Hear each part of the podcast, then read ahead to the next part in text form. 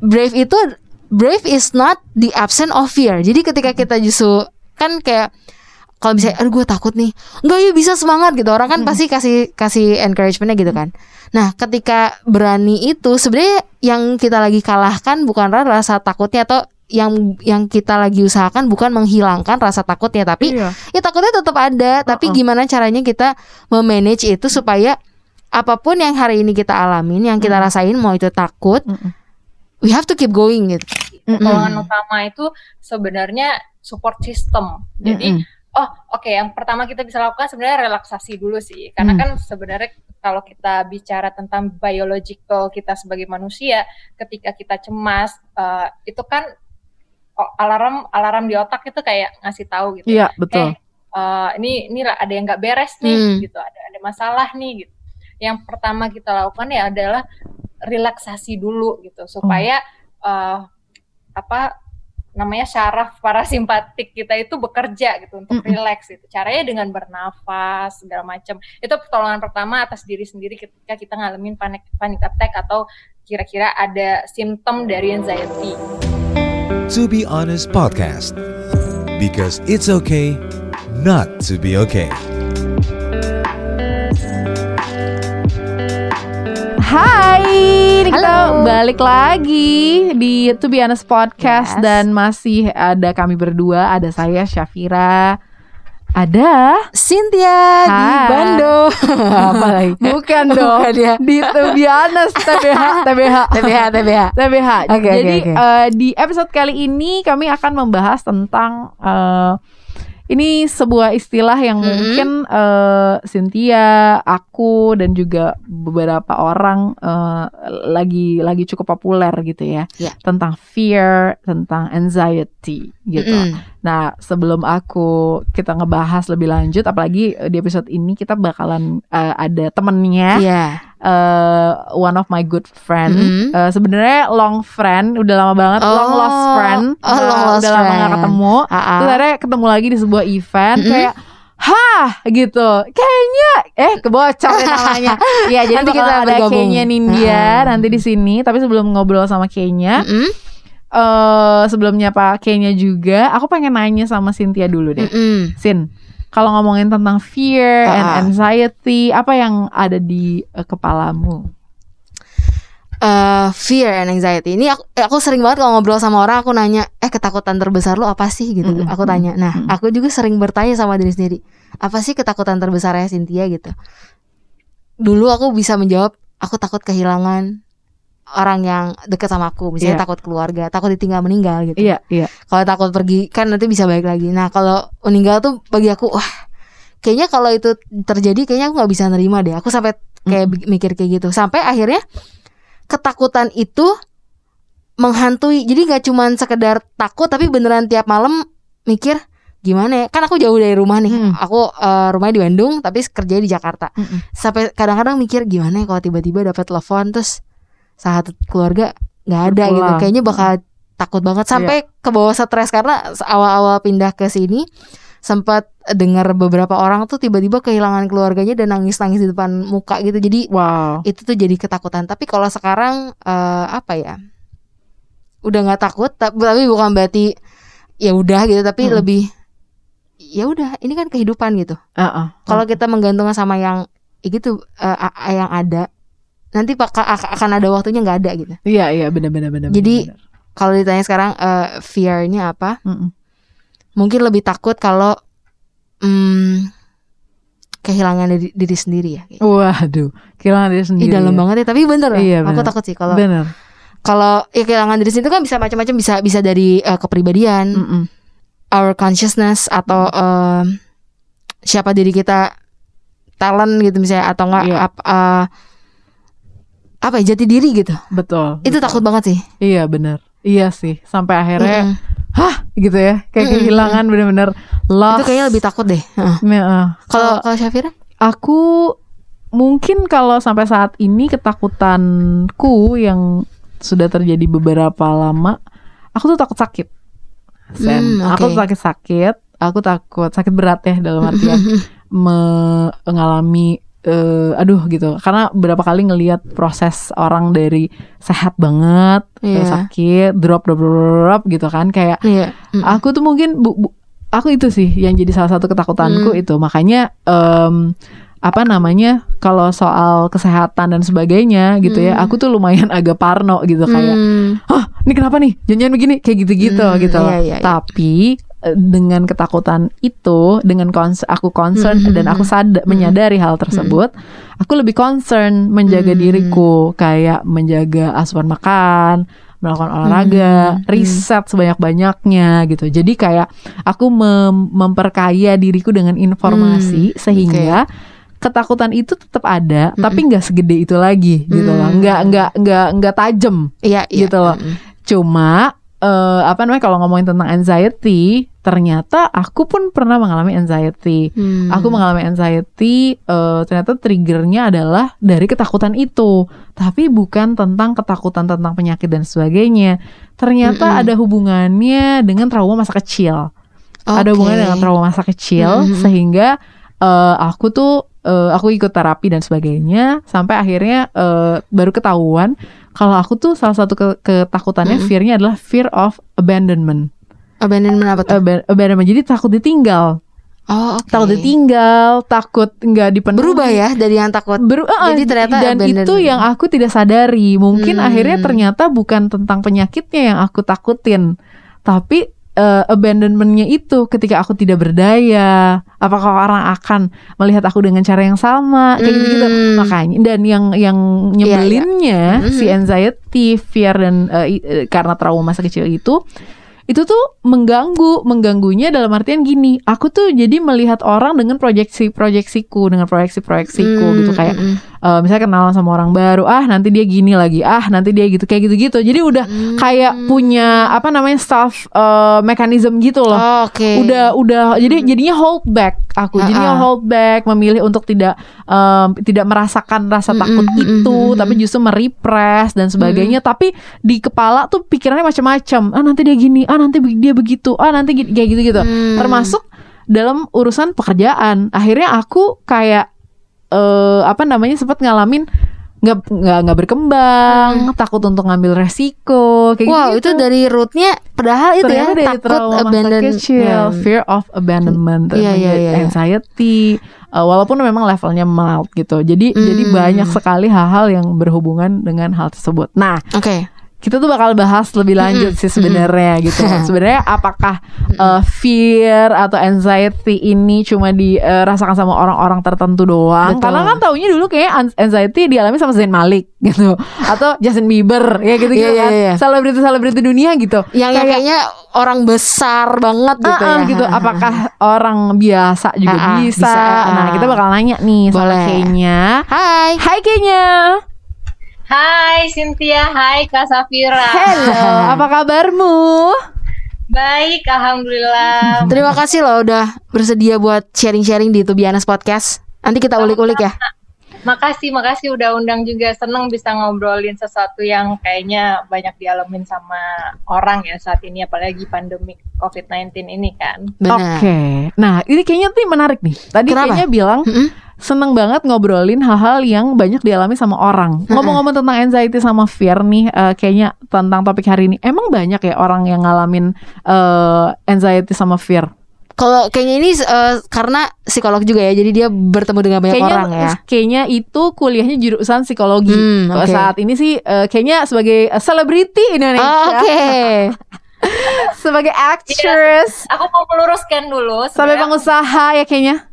Bu, ah, sebenarnya aku bukan psikolog sih, cuman uh, Mhm. aku sempat uh, menempuh pendidikan S1 psikologi. Oh, oke. Mhm. Ya aku sangat-sangat suka aja sama dunia psikologi gitu. Jadi aku terus uh, mengamati perkembangannya gitu. Setahu aku sih sekarang ini dari laporan WHO itu ada 264 juta orang di dunia Mhm. itu mengalami depresi dengan simptom yang paling uh, yang paling menonjol itu uh, anxiety. Wow. Dan Hmm. aku melihat sepertinya pandemik ini salah satu uh, yang menjadi alasan kenapa uh, angka anxiety itu semakin meningkat gitu. Mhm. karena kan orang jadi cemas ya kebayang nggak sih orang yang tadinya normal tapi begitu keluar harus dengan uh, protokol kesehatan dan merasa mungkin ada rasa takut akan terpapar karena kan uh, sekarang ini angka angka uh, apa uh, orang yang tertular anxiety eh orang yang tertular uh, COVID-19 19 kan juga semakin meningkat gitu. Oh, oke. Iya. Salah satu yang bikin orang takut ya untuk Hmm. keluar rumah, untuk ketemu orang lain gitu. Hmm. Kalau misalnya kayaknya sendiri boleh cerita nggak eh, ngomongin soal pengalaman fear and anxiety? Apa yang pernah kayaknya alamin gitu? Boleh ceritain? Oke, em, kita sebenarnya fear sama anxiety itu kan sebenarnya apa ya? Itu em, dua hal komponen emosi dari anxiety disorder gitu. Mhm. Eh, nah, anxiety itu manifestasi kita terhadap eh, rasa takut terhadap ancaman gitu. Nah, sementara fear itu gimana kita merespon eh, ancaman itu. Mhm. Itu bisa jadi panik dan lain sebagainya. Kalau aku Mm-mm. personal aku ngerasa aku itu anxiety kalau aku tidak bisa memenuhi ekspektasi orang lain. Oh, oke. Hmm, Oke. Nah, Em, terutama di karir aku sekarang ya, kalau aku syuting gitu. Mm-mm. Uh, dan aku kan baru ikut dunia acting ini kan tiga tiga tahun dan aku langsung diberi uh, dipercaya untuk menjadi peran utama di sebuah FTV gitu Iya. dan which is buat aku aku belum siap sebenarnya aku Mm-mm. belum merasa siap nah aku dan besokannya sebelum syuting itu malamnya pasti aku udah ngerasa cemas overthinking aku Hmm. takut besok lawan mainnya akan seperti apa di lokasi akan seperti apa apakah aku bisa memenuhi ekspektasi dari sutradara Hmm. dari produ- produser atau Hmm. bahkan penonton atau secara TV aku bisa mengangkat rating atau enggak atau at least mempertahankan ratingnya gitu. Hmm. Nah, itu yang itu yang aku takutin sih, aku tidak bisa uh, memenuhi ekspektasi orang. Nah, setelah aku telaah lagi ke belakang, kenapa aku punya hal kayak gitu ya? Kenapa aku punya kecemasan yang seperti itu? Ternyata uh, itu ada hubungannya dengan trauma aku di masa lalu gitu. Hmm. Hmm. Um, itu antara hubungan aku dengan mamaku gitu. Mamaku tuh. Orangnya cukup ambisius dan Mhm. memberi ekspektasi ke aku gitu. Hmm. Jadi ketika aku ngerasa aku tidak bisa memenuhi ekspektasi itu, aku akan mengecewakan orang lain. Nah, Iya. kebetulan kasusnya pada waktu itu aku ikutan pageant Mhm. dan ternyata aku nggak menang di pageant itu. Oke. Berarti kan aku mengecewakan mamaku kan. Hmm. Eh, kembali lagi aku aku telah kenapa ya aku eh, apa yang harus aku lakukan gitu Mhm. eh, untuk mengontrol tingkat anxiety aku. Mhm. Mhm. Eh, setelah aku memahami gitu, oh aku punya nih eh, rasa ketakutan bahwa aku aku nggak bisa memenuhi ekspektasi itu. Oke, gimana cara memfasilitasinya? Aku misalkan malamnya udah baca skrip, aku latihan pernafasan, Mhm. terus berusaha untuk nggak overthinking, persiapin semua yang perlu aku persiapkan gitu. Dan berdamai sih intinya, Hmm. berdamai Ah. dengan dengan pikiran sendiri dan kondisi apa pun nanti di lokasi, ya udah just let it be, just lakuin aja gitu loh. Nah, Iya. Ya itu tadi fear itu kan gimana kita meresponnya kan. Iya. Nah, responnya itu bisa fight, bisa flight gitu. Mhm. Kita bisa bisa melewati eh kita bisa tetap melakukan itu atau Mhm. kita malah avoidance gitu. Kita Iya. menghindar dari itu. Nah, malamnya sebelum aku syuting aku dikasih peran utama itu, Mhm. aku langsung bilang ke manajer aku malam-malam, entah kenapa simptom di tubuh aku adalah aku ngerasa diare. Oh. Aku ngerasa aku capek banget rasanya badan aku, pikiran aku dan aku migrain. Karena Mm-mm. mungkin overthinking itu tadi Iya. kan mempengaruhi fisiologis aku ternyata. Hmm. Dan malamnya aku bilang sama manajer aku, sorry kayaknya aku nggak bisa deh besok syuting gini-gini. Oh manajer aku langsung ngasih tahu, kenapa? Iya nih aku nggak enak badan gini-gini. Oke minum obat, minum vitamin sekarang. Besok pagi bangun kita lihat kamu sehat atau enggak. Aku sih berharap kamu sehat. Ayo semangat. Jangan jangan takut ya. Jangan karena kamu eh, menghindari pekerjaan ini. Which is ini adalah sebuah kesempatan untuk kamu berkembang. Dia bilang Hmm. gitu. Terus aku kayak ah, oke deh aku aku coba aku coba dan Iya. itu salah satunya sih support system itu sangat mempengaruhi juga Support sih gimana kita bisa fight terhadap rasa takut itu gitu akhirnya ya udah paginya aku oke deh aku ikut aku lewatin aja deh nggak usah mikir nggak usah apa jalanin aja ya udah jalanin syuting dan ternyata semua ketakutan itu hanya ada di kepala aku gitu. Hmm. setelah aku ada di lokasi aku Hmm. menikmati prosesnya malah ada hal-hal yang ternyata di luar dugaan aku yang bahkan uh, semuanya itu positif gitu. Yang tadi kan pikiran kita karena overthinking Iya. kan pikirnya negatif. Iya. Mana-mana, bener banget. Dan, Dan, unconsciousness-nya kayak gitu. Aku takut uh, akan ekspektasi nggak bisa memenuhi ekspektasi itu gitu. Gimana nih? Aku lihat respon saudaranya, puas nggak ya kira-kira dia selalu Nah, kayak gitu. Rasanya iya, iya, selalu iya. ingin memuaskan orang lain gitu loh. Gak Bukan tenang jadinya. bukan karena kita suka dan cinta melakukannya itu sih pelajarannya jadi ya udah aku fight terhadap itu nah ketika ketika itu aku lakukan selesai syuting happy eh, nggak ada tuh overthinking lagi dan selesai sampai di situ ternyata um, unconsciousness unconsciousness-nya itu tapi ketika aku selesai menyelesaikan pekerjaan itu anxiety-nya hilang oke. Hmm. Nah, eh eh, apa namanya ketika terjadi waktu itu ya, kayaknya sebelumnya tapi pernah ngalamin hal kayak gitu, sebe- eh, pernah nggak sih? Maksudnya sebelum kejadian tadi tuh, sebelumnya pernah juga nggak ngalamin kejadian serupa sampai eh apa namanya bed, eh, apa namanya sampai kayak diare dan sebagainya gitu Di kondisi yang lain ya. di kondisi yang lain. Em, sejauh ini sih masih ke terhadap karir aku ya terhadap pekerjaan aku secara profesional sekarang gitu. Oh, Kalau mungkin kalau ditarik lagi dulu, Mhm. mungkin ya ketika aku merasa tidak bisa memenuhi ekspektasi mamaku itu ya yang aku ngerasa aku mengecewakan mamaku, aku ngerasa aku gagal di situ. oke. Hmm.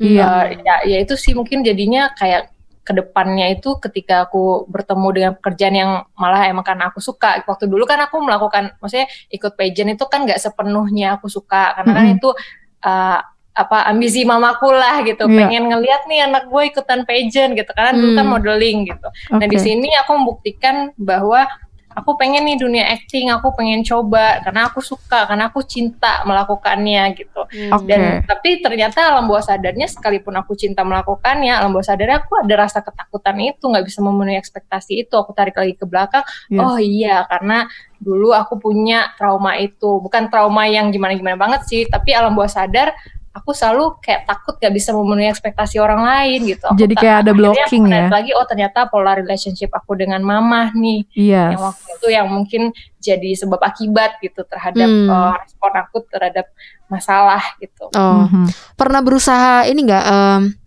kan berarti rootnya itu adalah ketika hubungan eh, dulu sama mama ya, sampai akhirnya eh, ngerasa pengen memenuhi ekspektasi orang lain gitu.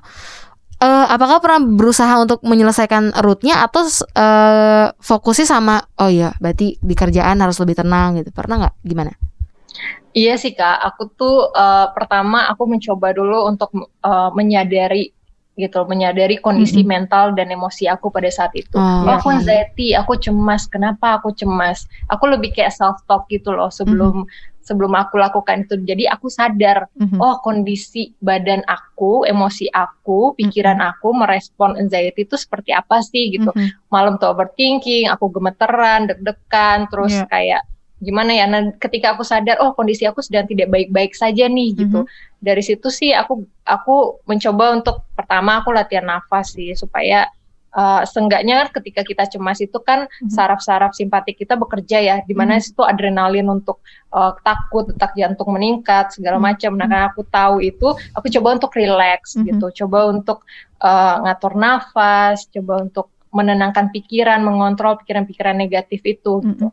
Dan menyadari oh iya ini tuh lagi lagi nggak lagi nggak bener nih pikirannya gitu, ketakutannya muncul nih. Nah, gimana caranya aku mengontrol itu semua gitu dan em, ya gitu sih sama menerima sih kondisinya. Oke, ya aku punya eh, punya itu gitu. Aku punya anxiety, aku punya hubungan eh, masa lalu, maksudnya aku punya masalah eh, merasa ketakutan itu ada gitu. Iya.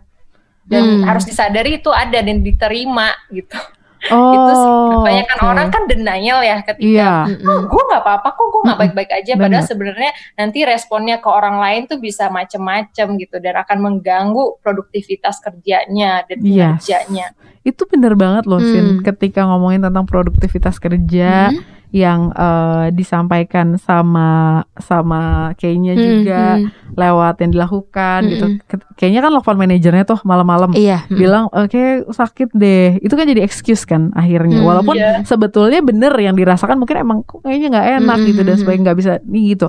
Dan memang betul ketika fearness itu muncul, Mm-mm. anxiety itu ada, dampak yang paling bisa kita rasakan tuh dua. Kalau aku ya berdasarkan pengalamanku, Hmm, hmm, hmm, tubuhku memberi signal Mm-mm. kayak ada physical sensationnya di aku tuh bloating terus-terusan kembung Oh, dan sebagainya Mhm. gitu ya. Eh kedua yang pasti hormonal kayak periodnya jadi berantakan dan sebagainya gitu ya. hmm, hmm. Walaupun masih di di tanggal-tanggal yang sama tapi nggak enak gitu sirkulasinya. Yang kedua adalah eh, apa berikutnya adalah ke ke pekerjaan. Jadi Hmm. kayak kayak mau melakukan sesuatu tapi males-malesan gitu loh. Kayak eh, apa ya? Kayak eh, misalnya ada kerjaan panjang nih gitu. Duh lama banget Hmm. sih gitu. Iya, iya. Padahal kalau misalnya mau disadari Mm-mm. gitu ya, kalau mau disadari Mm-mm.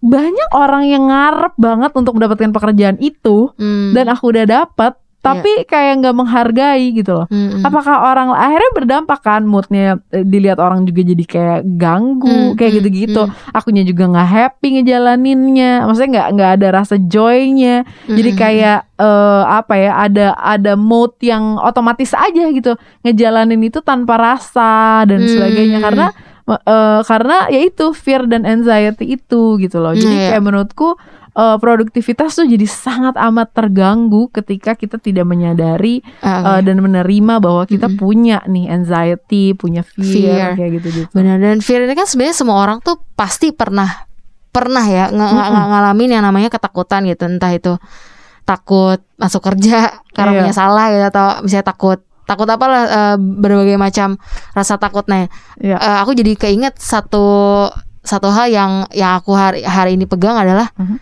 lawannya fear itu kan brave ya berani Betul. gitu takut sama berani gitu brave brave itu brave is not the absence of fear jadi ketika kita justru kan kayak kalau misalnya aduh gue takut nih enggak ya bisa semangat gitu orang kan Hmm. pasti kasih kasih encouragementnya gitu kan nah ketika berani itu sebenarnya yang kita lagi kalahkan bukan rasa takutnya atau yang yang kita lagi usahakan bukan menghilangkan rasa takutnya tapi Iya. ya takutnya tetap ada tapi Uh-uh. gimana caranya kita memanage itu supaya apa pun yang hari ini kita alamin yang kita Mm. rasain mau itu takut Mm-mm.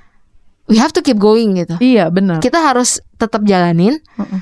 Dan berusaha untuk manage supaya kita nggak terlalu overwhelmed sama Benar. dampak yang dihasilin dari fear itu yang Yes. tadi eh, kayaknya sharing Uh-uh. sampai eh, sakit dan segala macam Iya, namanya tadi. Syafira bilang juga dan poin yang bagus banget bu dari kayaknya sharing adalah eh, manajernya nggak membiarkan dia oh kamu sakit ya Iya. ya udah kalau gitu kamu besok gak usah jadi Iya, datang deh Di nggak apa rumah aja. iya iya itu kan bakal jadi Nggak ya udah rasa sakit Iya Yes, benar. Dan akhirnya betul. ya nggak jadi apa-apa juga gitu mungkin hari ini Iya, nggak jadi benar. nggak jadi hasil juga gitu. Betul. Jadi ketika akhirnya menyadari nih, oke gue lagi takut.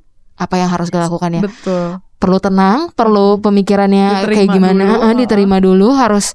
Oke, gue harus apa nih? Eh, practical things yang bisa kita kerjain. Misalnya kalau Hmm. tadi Syafira sampai kembung dan segala macam, eh ada banyak hal yang bisa minum air, minum air hangat, Mm-mm. ya hal-hal kecil gitu yang Mm-mm. tapi nggak berarti kita jadi quitters. Iya, Ya kan? benar.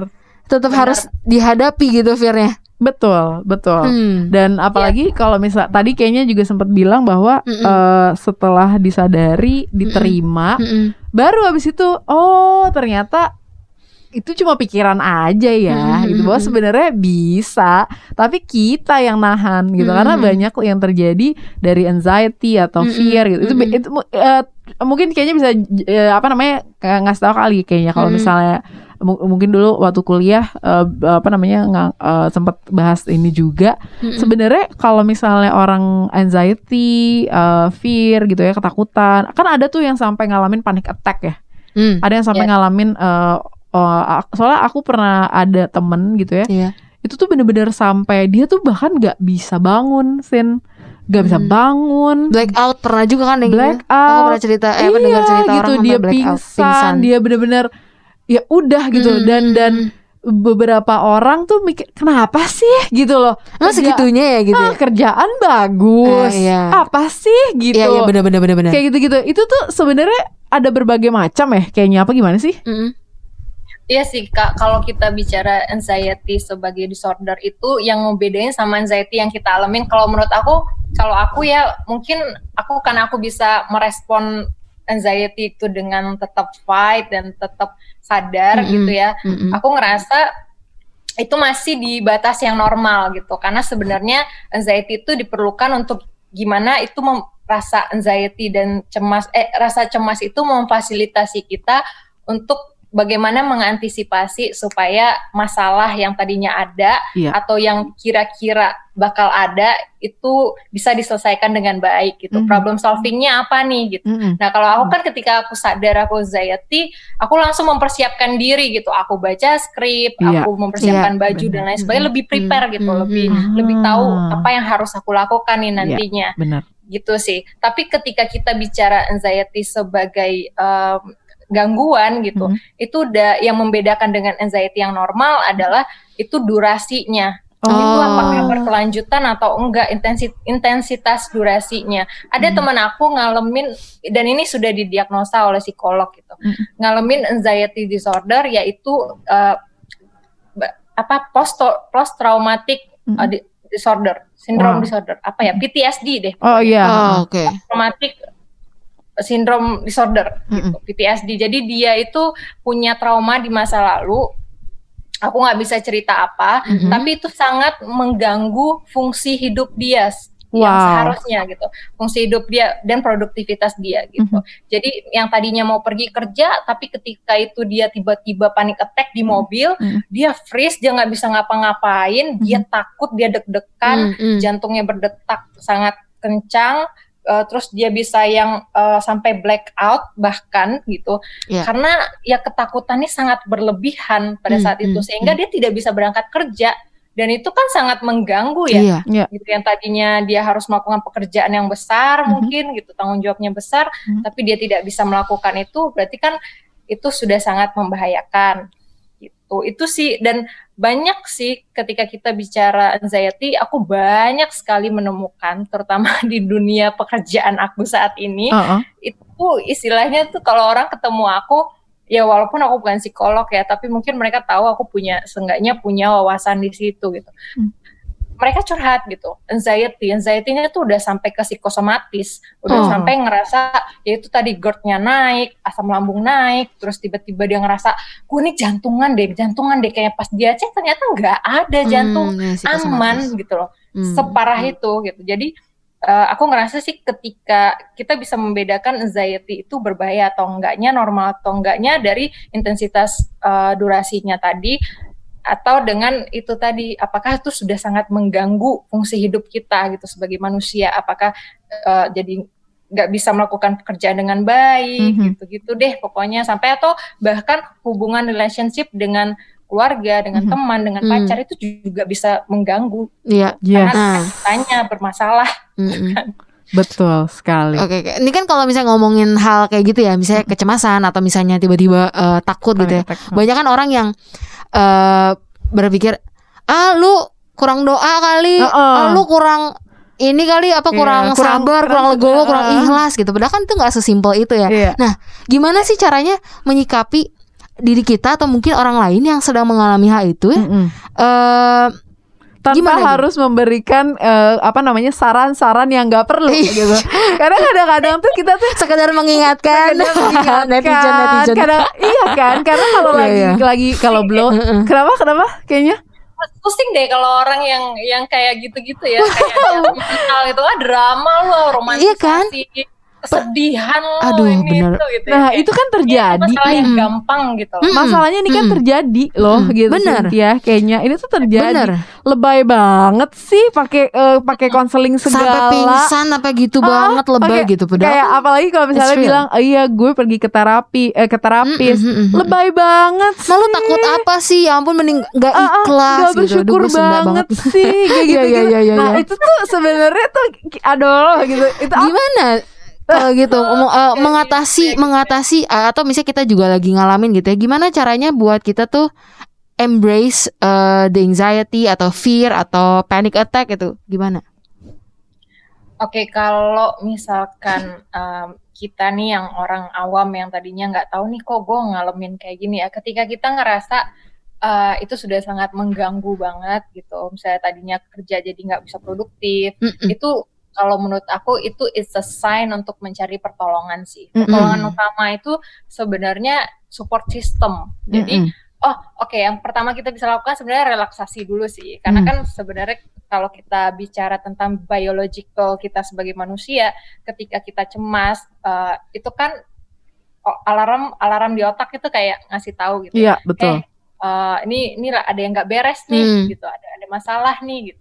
Yang pertama kita lakukan ya adalah relaksasi dulu gitu supaya eh, apa namanya syaraf parasimpatik kita itu bekerja gitu untuk Mm-mm. relax gitu. Caranya dengan bernafas segala macam. Itu pertolongan pertama atas diri sendiri ketika kita ngalamin panic panic attack atau kira-kira ada simptom dari anxiety gitu. Mhm. Terus uh, kalau yang kedua itu adalah cerita, cari support system, cari Hmm. teman yang bisa mendengarkan cerita kita Hmm, tanpa oke. judgmental, Iya. tanpa memberi solusi yang aneh-aneh gitu. Mm-mm. Cuma dengerin aja dulu gitu. Oke. Nah, tapi ketika itu sudah tidak bekerja buat kita, wah kayaknya ini tidak membantu deh gitu. Hmm. Gue tetap ngerasa panik attack, gue tetap ngerasa nggak bisa tidur, nggak bisa gerak, nggak ada motivasi buat buat menjalankan aktivitas sehari-hari bahkan gitu.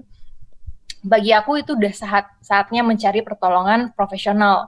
Hmm. Itu datanglah ke psikolog gitu, carilah psikolog terdekat atau siapa pun orang yang ya sekarang gampang ya nyari psikolog tinggal lihat uh, search di sosmed gitu kan juga bisa. Coba Mhm. cari-cari itu, carilah ahli profesional psikolog untuk melakukan konseling gitu supaya tahu dari konseling itu kita bisa tahu apa nih akar permasalahannya apakah ada masa lalu waktu kita kecil terjadinya atau ketika kita remaja atau apa gitu Mhm. yang men-trigger anxiety itu gitu apakah itu hal yang uh, sebenarnya apa ya real atau enggak gitu apa Iya. hanya ada di pikiran kita aja apa karena itu konflik di dalam diri kita aja gitu yang Mhm. belum beres nih ada Mhm, unfinished, iya. un- unfinished business gitu Iya. Nah, ketika kita tahu itu kan jadinya kita jadi kayak melakukan apa ya?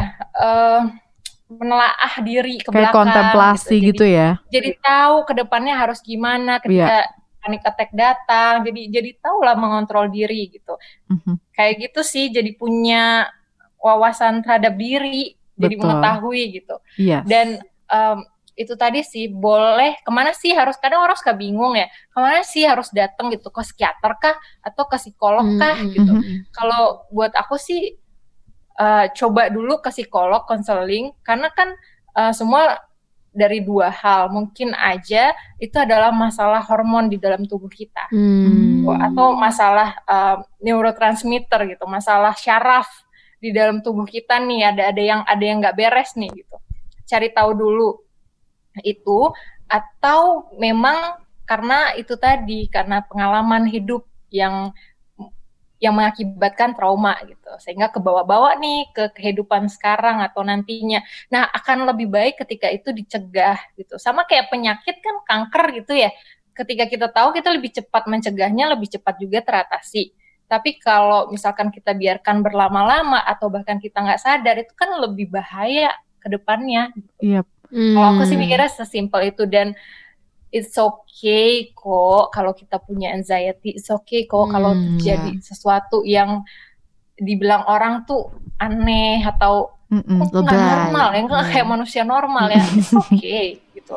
Yes. Sama ya itu tadi kalau kita sayang sama diri kita sendiri, lakukanlah pertolongan-pertolongan itu terhadap diri sendiri supaya Iya. lebih tenang, lebih enak ngejalanin hidup gitu sih. Betul. Nah, untuk orang yang punya temen yang mungkin punya gangguan itu gitu, cobalah mengerti dulu gitu kalau uh, memang yang dialami teman kita ini tidak seperti orang normal, tidak kita. Hmm, Mungkin kita hmm. bisa ngatasin masalah kita gitu. Mm-mm. Tapi belum tentu di dia bisa. Setiap orang kan Hmm. punya problem masing-masing dan Betul. punya cara untuk mengatasi masalahnya masing-masing gitu. Nah, ketika kita bicara itu sudah membahayakan gitu, ketika Mhm. kita bicara itu sudah menjadi gangguan, Iya.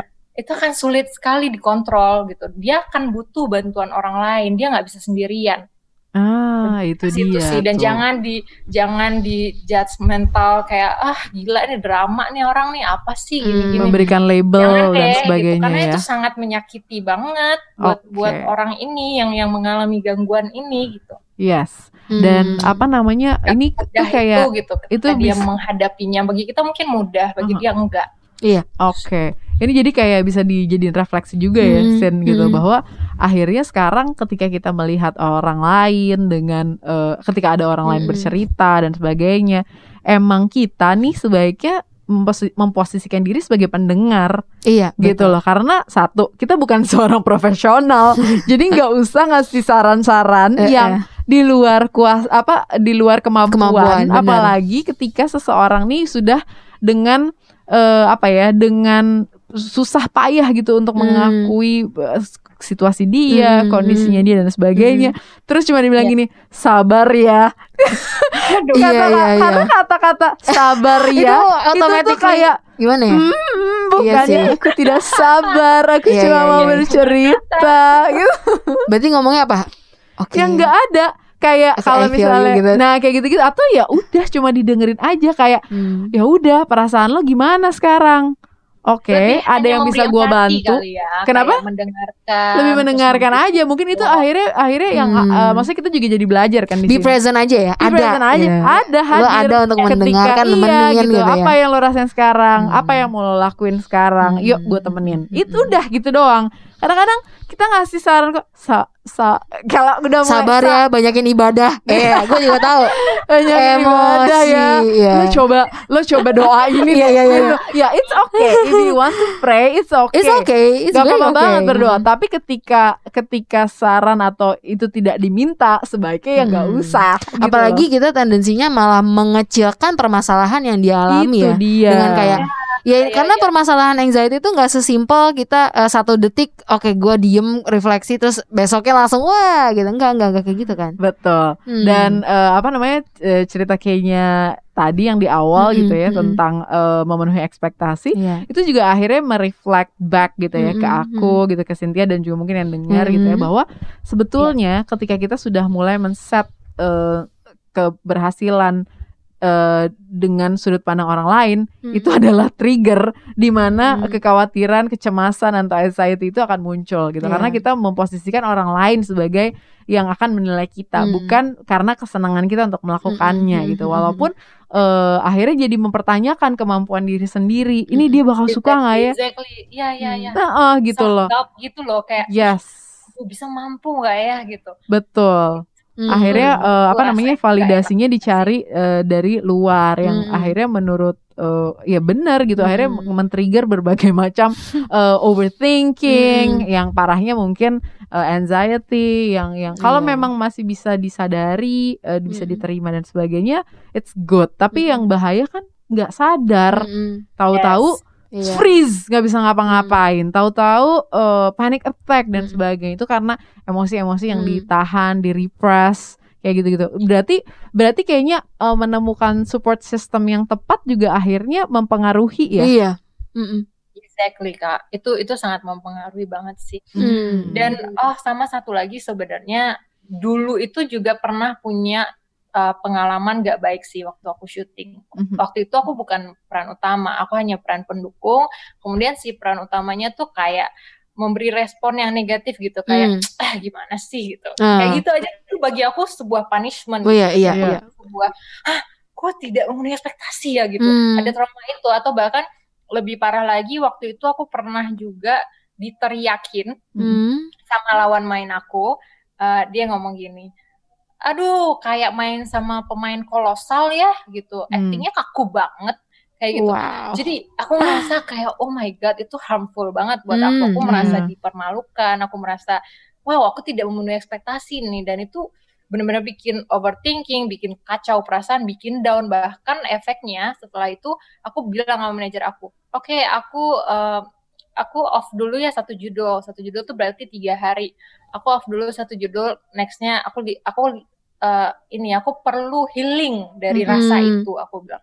Aku takes time sih gitu. Dan aku sadar aku sedang tidak baik-baik aja. I have to concern sama mental health aku gitu. Betul. kalau aku tetap bekerja berarti kan aku merepress rasa itu. Dan aku Yes. mengabaikan mental health aku kan. Iya. aku bilang manajer aku aku off dulu.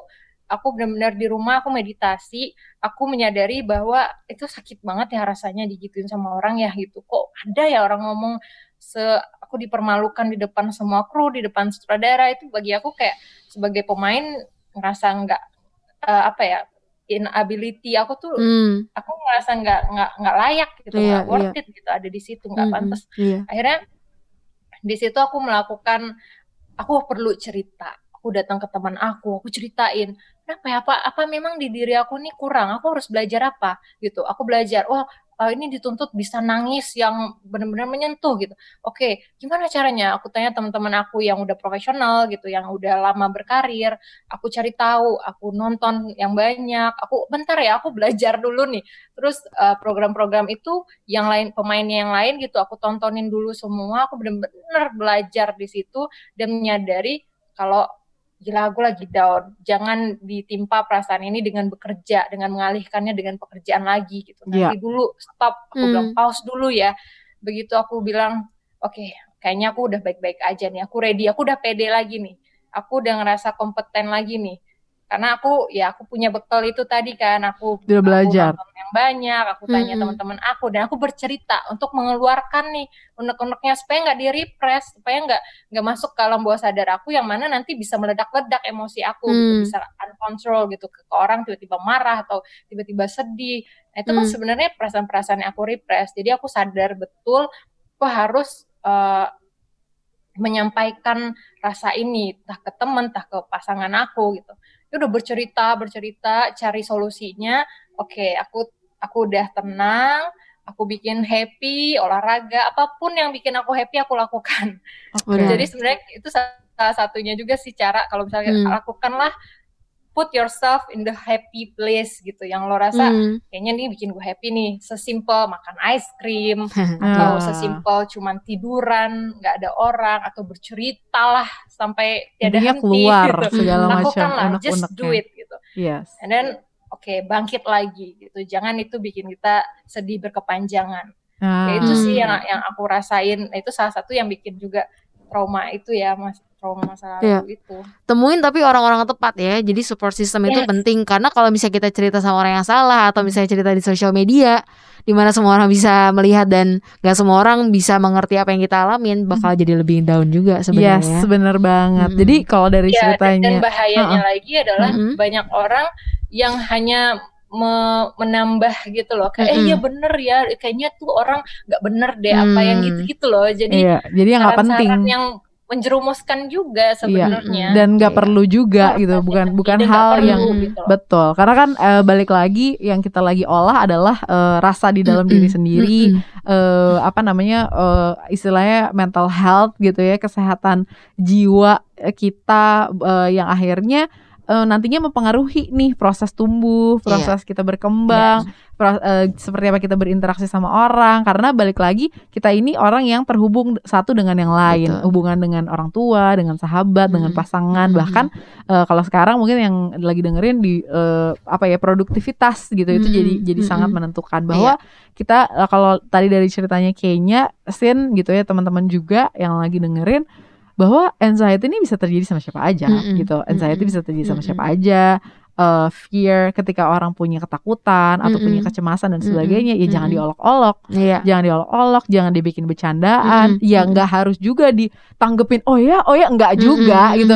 Just let it be daripada kita usik-usik urusan orang. Coba deh dig into ourselves Mm-mm, aja. Kita cari tahu. Jangan-jangan nih kita juga punya hal yang Iya, sama, tapi karena nggak mau dirasa, Mm-mm. di repress, akhirnya ke mana-mana Hmm. gitu. Jadi nggak ketahuan. Iya benar gitu. banget. Oke. Kak Safira kan Iya. pernah ngalamin panic attack dan mencari pertolongan ya. Kira-kira waktu itu pertolongan apa sih Kak? Mungkin Kakak bisa share yang Iya. yang udah benar-benar ngalamin eh, apa ya, udah mencari bantuan gitu ke Se- sebenarnya sebenarnya yang aku alamin bukan belum eh, alhamdulillah nggak sampai panic attack. Mm-mm. Yang aku alami gak sampai panic attack, tapi gini, aku menyadari ketika banyak kejadian berulang.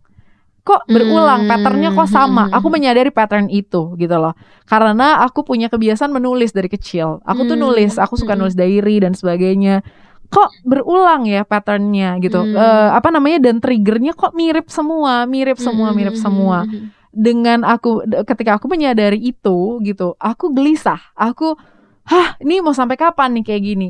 Terus aku entah gimana ketemu sama temanku di mana temanku bercerita tentang situasinya dia aku gi- aku cuma nanya eh eh, dia dia kayak aku udah lama banget nggak ketemu sama temanku ini Mhm. tiba-tiba aku melihat perubahannya menjadi sangat amat baik menurutku positif sekali terus aku nanya Mhm. what makes you so great aku bilang gitu Hmm. Terus dia bilang eh apa namanya? Aku pergi ke tara apa aku eh, I'm seeing therapist gitu. I'm, I'm seeing counselor dan sebagainya.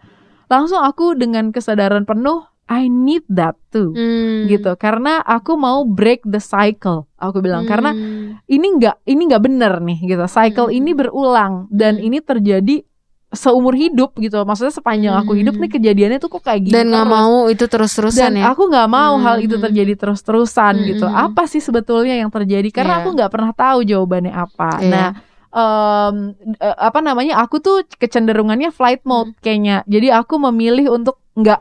Aku memilih untuk tidak facing uh, the situation. mengabaikan aku memilih perasaan untuk itu mengabaikan ya. Hmm. dan mengabaikannya dengan Hmm. cara menyibukkan diri lewat pekerjaan. Wow, Parah, banget aku ya. menyibukkan diri Ah, lewat iya, iya, pekerjaan. Jadi selama ini a- apa, Biar beberapa jadi beberapa waktu yang lalu aku merasa bahwa aku merasa bahwa dengan sibuknya aku I'm being Hmm. content, I am uh, apa Hmm. namanya happy go Content in disguise. kayak, uh, uh, content in disguise gitu ya. Tapi ternyata Hmm.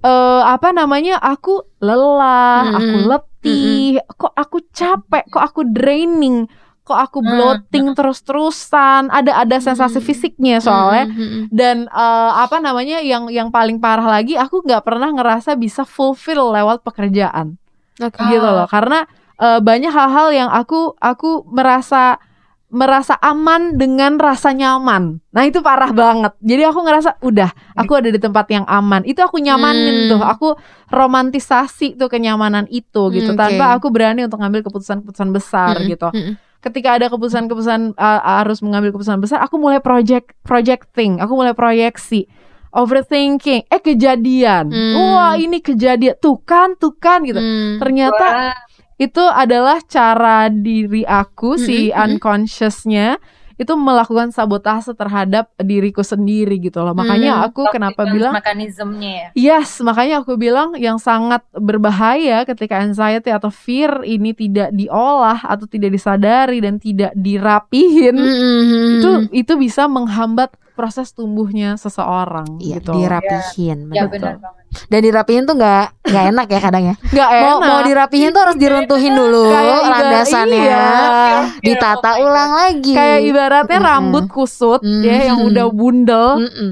itu Yes. tuh disisir. Wow, awalnya sakit dulu ya. Itu sakitnya Tapi setengah mati dan kadang-kadang belum tentu berhasil. Mm-mm. Yang Ya, patah time. ya kan yang patah yang Iya. rontok yang segala macam tapi once it uh, apa namanya Hmm. udah breaks gitu ya Mm-mm. mulai mengenal yang paling yang paling uh, apa namanya yang paling aku ambil Mm-mm. pelajarannya adalah yang tadi uh, ketakutannya Cynthia I found myself Hmm. Yes. itu yes, yes. lewat anxiety lewat fear aku belajar untuk mengenal Menemukan diriku diri and I found myself We are all human. Be kind to one another.